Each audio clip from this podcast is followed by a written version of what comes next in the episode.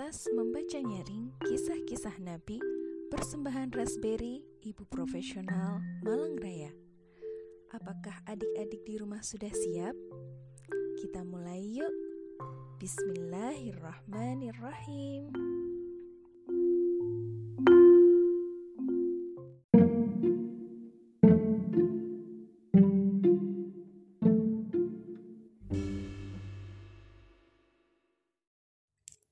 Assalamualaikum warahmatullahi wabarakatuh. Jumpa kembali kali ini dengan Kak Rina. Tetap di Raspberry Ramadan Asik Berkah dan Ceria Bersama Ibu Profesional Malang Raya. Adik-adik sore ini sudah rapi Masih semangat puasanya? Nah Kali ini kakak akan berkisah tentang Nabi Nuh alaihi salam. Baik, sebelum kita mulai kisahnya, kita baca bersama-sama dulu ya.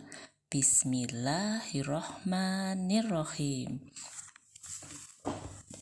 Nuh adalah putra Lamik bin Matus Syalih bin Idris yang dilahirkan 116 tahun setelah Nabi Adam alaihi salam wafat. Selain hamba yang pandai bersyukur dan bersabar, beliau juga senantiasa memuji Allah Subhanahu wa Ta'ala setiap waktu. Sebelum kelahiran Nabi Nuh alaihi salam dan kaumnya, hiduplah lima orang lelaki saleh. Mereka bernama Wat, Suak, Yakut, Ya'u, dan Nasr. Kelima orang itu dihormati kaumnya karena keadilan dan kesalehannya.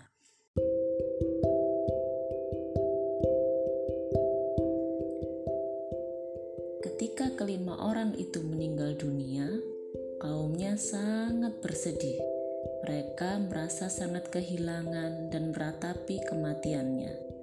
Tiada yang dapat menggantikan posisi kelima orang itu, hingga Suatu hari datanglah iblis yang menyerupai seorang lelaki. Iblis itu pun menawarkan diri. Apakah kalian mau aku buatkan patung yang merupai kelima orang soleh itu? Patung itu akan membuat kalian selalu ingat dengan orang-orang yang soleh itu, bujuknya.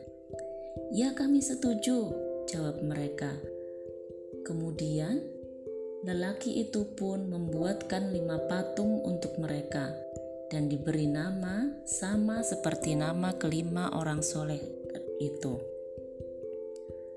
Tahun demi tahun berganti, generasi demi generasi berganti, patung yang tadinya hanya digunakan untuk mengenang kelima orang soleh itu disalahgunakan oleh anak cucu kaum-kaum itu Patung itu menjadi benda keramat dan dianggap sebagai Tuhan yang dapat mendatangkan kebaikan dan menjauhkan dari mara bahaya.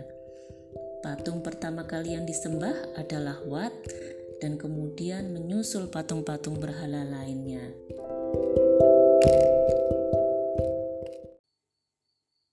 Nabi Nuh alaihi salam diturunkan di tengah-tengah kaum itu ketika keadaan masyarakat mulai semakin memburuk. Penyembahan berhala dan juga penindasan terjadi di mana-mana. Nabi Nuh alaihi salam mulai mengajak kaumnya untuk kembali menyembah kepada Allah. Beliau, beliau menyeru menyeru mereka agar mau meninggalkan tradisi penyembahan berhala, meninggalkan perbuatan keji dan jahat terhadap sesama manusia.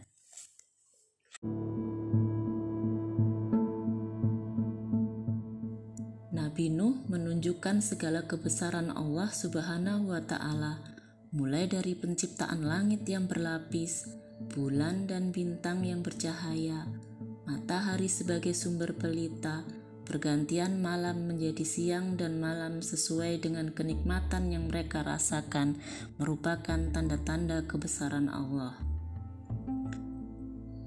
Suatu hari, Nabi Nuh alaihi salam mendatangi kaumnya dan berkata, "Kenapa kalian tidak bertakwa? Sesungguhnya aku ini seorang rasul kepercayaan yang diutus kepada kalian. Bertakwalah, bertakwalah kalian kepada Allah dan taatlah kepadaku." Aku tidak meminta imbalan kepada kalian atas ajakan-ajakan ini imbalanku tidak lain hanyalah dari Tuhan seluruh alam. Lalu kaum itu pun menjawab, Apakah kami harus beriman kepadamu? Padahal pengikut-pengikutmu orang yang hina, jawab mereka dengan angkuh. Nabi Nuh alaihi salam telah berusaha mengajak mereka dengan berbagai cara namun hanya sedikit kaum yang mau mengikuti seruannya. Tekanan dan ancaman yang terus bertambah kian hari semakin membuat pengikut kaum Nabi Nuh berkurang dan terpecah menjadi dua kelompok. Kelompok pertama terdiri dari orang-orang fakir dan miskin, orang-orang yang kedudukan sosialnya rendah, dan orang-orang yang menderita yang merasa dilindungi oleh adanya dakwah Nabi Nuh. Mereka adalah pengikut setia Nabi Nuh alaihi salam. Dan kedua adalah orang-orang kaya, para pemuka dan pembesar, para penguasa yang menentang Nabi Nuh alaihi salam.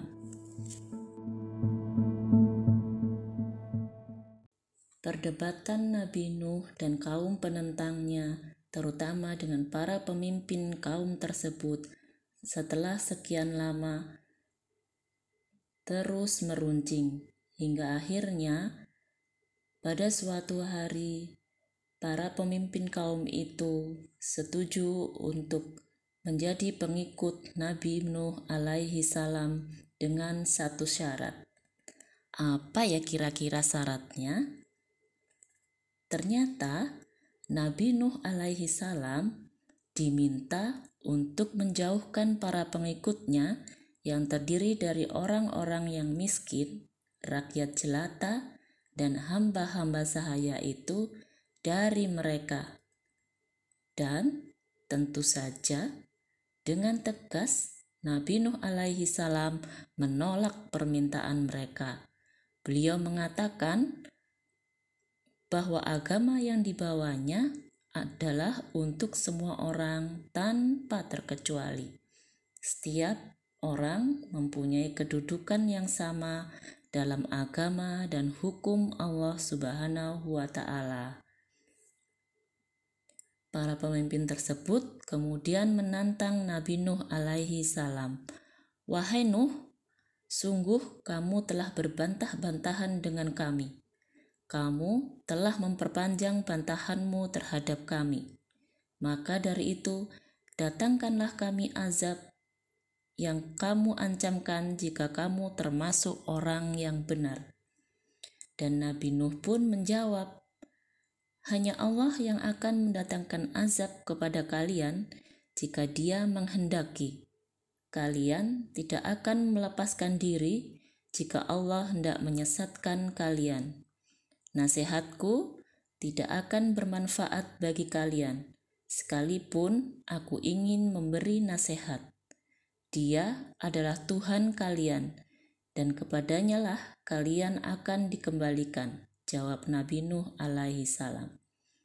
Lantas, apa yang akan diperbuat Nabi Nuh alaihi salam selanjutnya ya?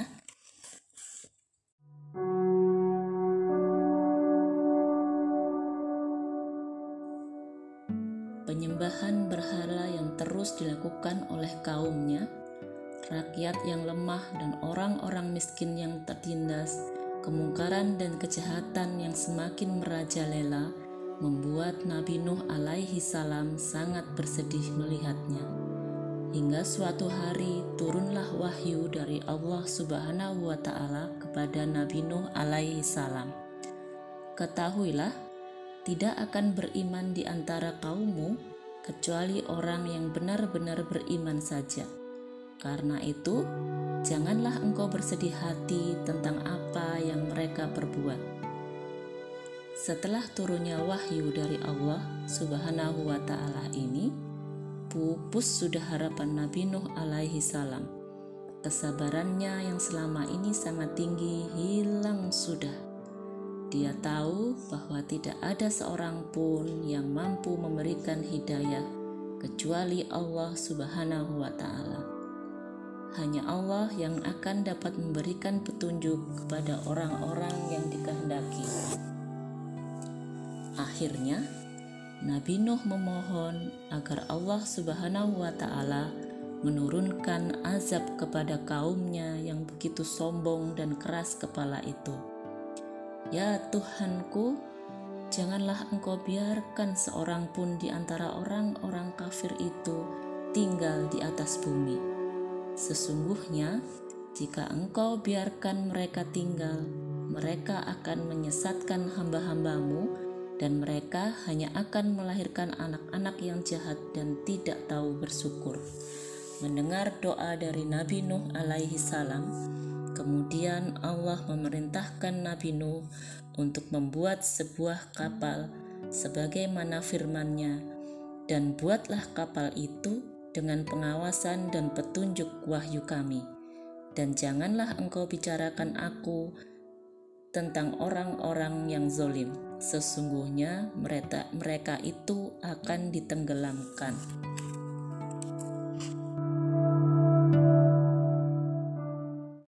Kemudian Nabi Nuh pun mulai membuat kapal dengan ukuran yang sangat besar. Nabi Nuh alaihi salam mengumpulkan semua pengikutnya. Mereka mengerjakan perintah itu bersama-sama siang dan malam tanpa kenal lelah. Hai Nuh, tampaknya sekarang kamu telah menjadi tukang kayu ya. Bukankah kamu mengaku sebagai seorang nabi atau rasul? Kenapa sekarang menjadi tukang kayu dan pembuat kapal? Ejek so salah seorang kafir. Hai Nuh, kapal itu jalannya di laut, bukan di darat. Bagaimana ia akan berjalan? Apakah kapal ini akan ditarik oleh sapi? Atau mungkin jangan-jangan kamu mengharapkan angin untuk menarik kapalmu ke laut? Ejek yang lainnya.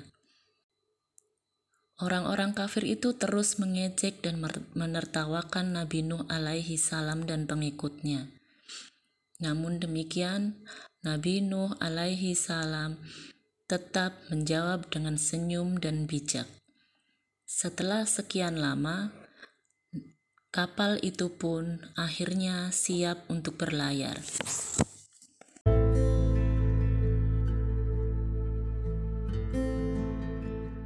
sebuah kapal besar pun telah siap. Saat itu, Allah Subhanahu wa Ta'ala kembali menurunkan wahyunya kepada Nabi Nuh alaihi salam. Melalui wahyunya, Allah memberikan tanda-tanda kemunculan azab itu. Nabi Nuh alaihi salam diperintahkan untuk membawa seluruh keluarganya dan semua orang yang beriman masuk ke dalam kapal itu. Nabi Nuh alaihi salam juga diperintahkan untuk membawa berbagai jenis hewan secara berpasangan, jantan dan betina, juga segala jenis tumbuh-tumbuhan.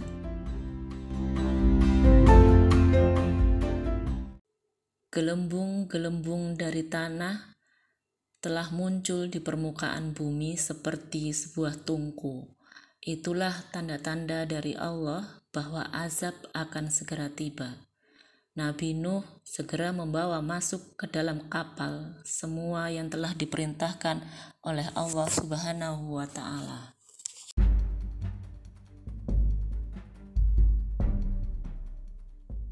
Allah memerintahkan mereka untuk memujinya sebagai tanda syukur dan membaca sebuah doa. Kemudian Allah pun membukakan pintu-pintu langit. Turunlah hujan yang sangat deras. Belum pernah ada hujan seperti ini di muka bumi sebelum dan sesudahnya. Permukaan bumi mengeluarkan air, yang semakin lama semakin meninggi. Gunung-gunung tenggelam, tumbuh-tumbuhan dan hewan-hewan, baik yang kecil maupun besar, semua hanyut. Seluruh makhluk diambang kematian. Saat itu, kehidupan hanya ada di atas kapal Nabi Nuh alaihi salam. Semua permukaan bumi telah menjadi lautan. Angin bertiup kencang, kapal yang dinaiki oleh Nabi Nuh alaihi salam dan pengikutnya berlayar di tengah gelombang-gelombang air bah yang semakin tinggi. Gelombang itu sangat menakutkan besar dan tinggi laksana gurung-gurung yang menghancurkan dan menenggelamkan mereka. Tidak ada satu makhluk pun yang akan selamat dari gulungan ombak dan air yang semakin meninggi, tak terkecuali putra Nabi Nuh alaihi salam.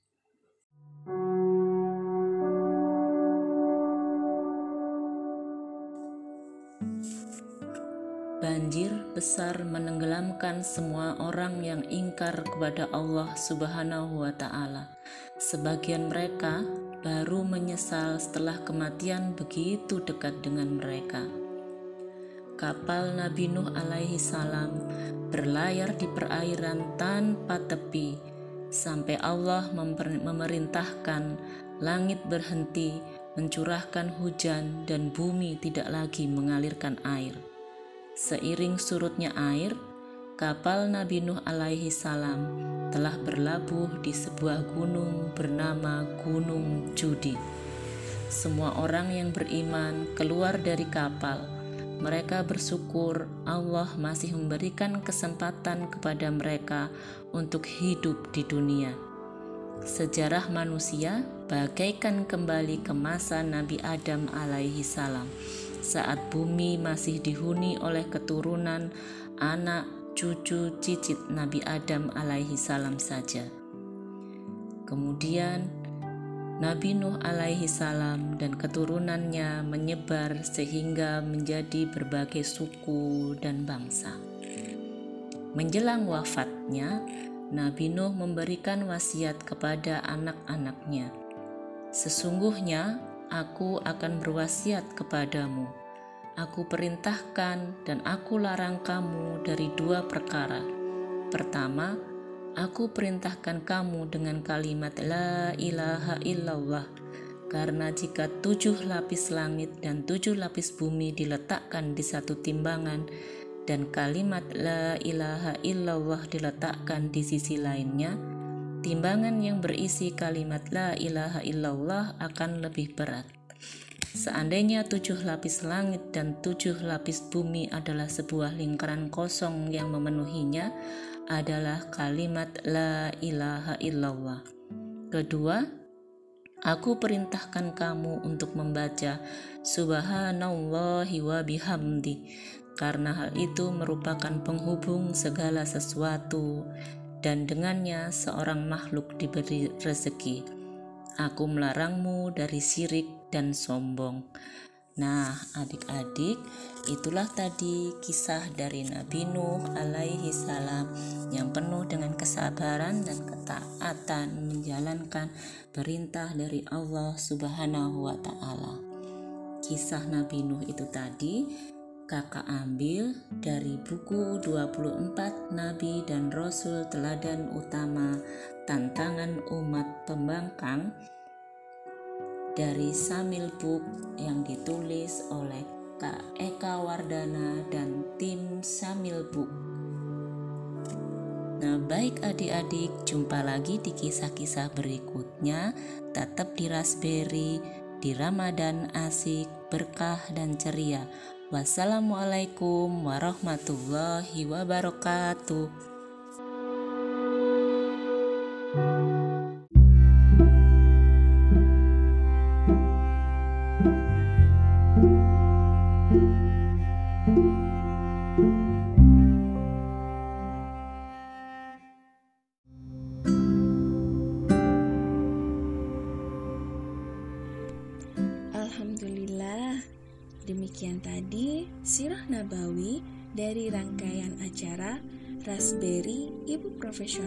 Malang Raya. Semoga rangkaian acara Raspberry dapat menemani hari-hari adik-adik semua berkegiatan Ramadan dengan asik, berkah, dan ceria. Informasi lebih lanjut mengenai Raspberry dan kegiatan Ibu Profesional Malang Raya dapat disimak di akun resmi kami di Facebook dan Instagram Ibu Profesional Malang Raya. Sampai jumpa di kegiatan Raspberry berikutnya ya. Terima kasih.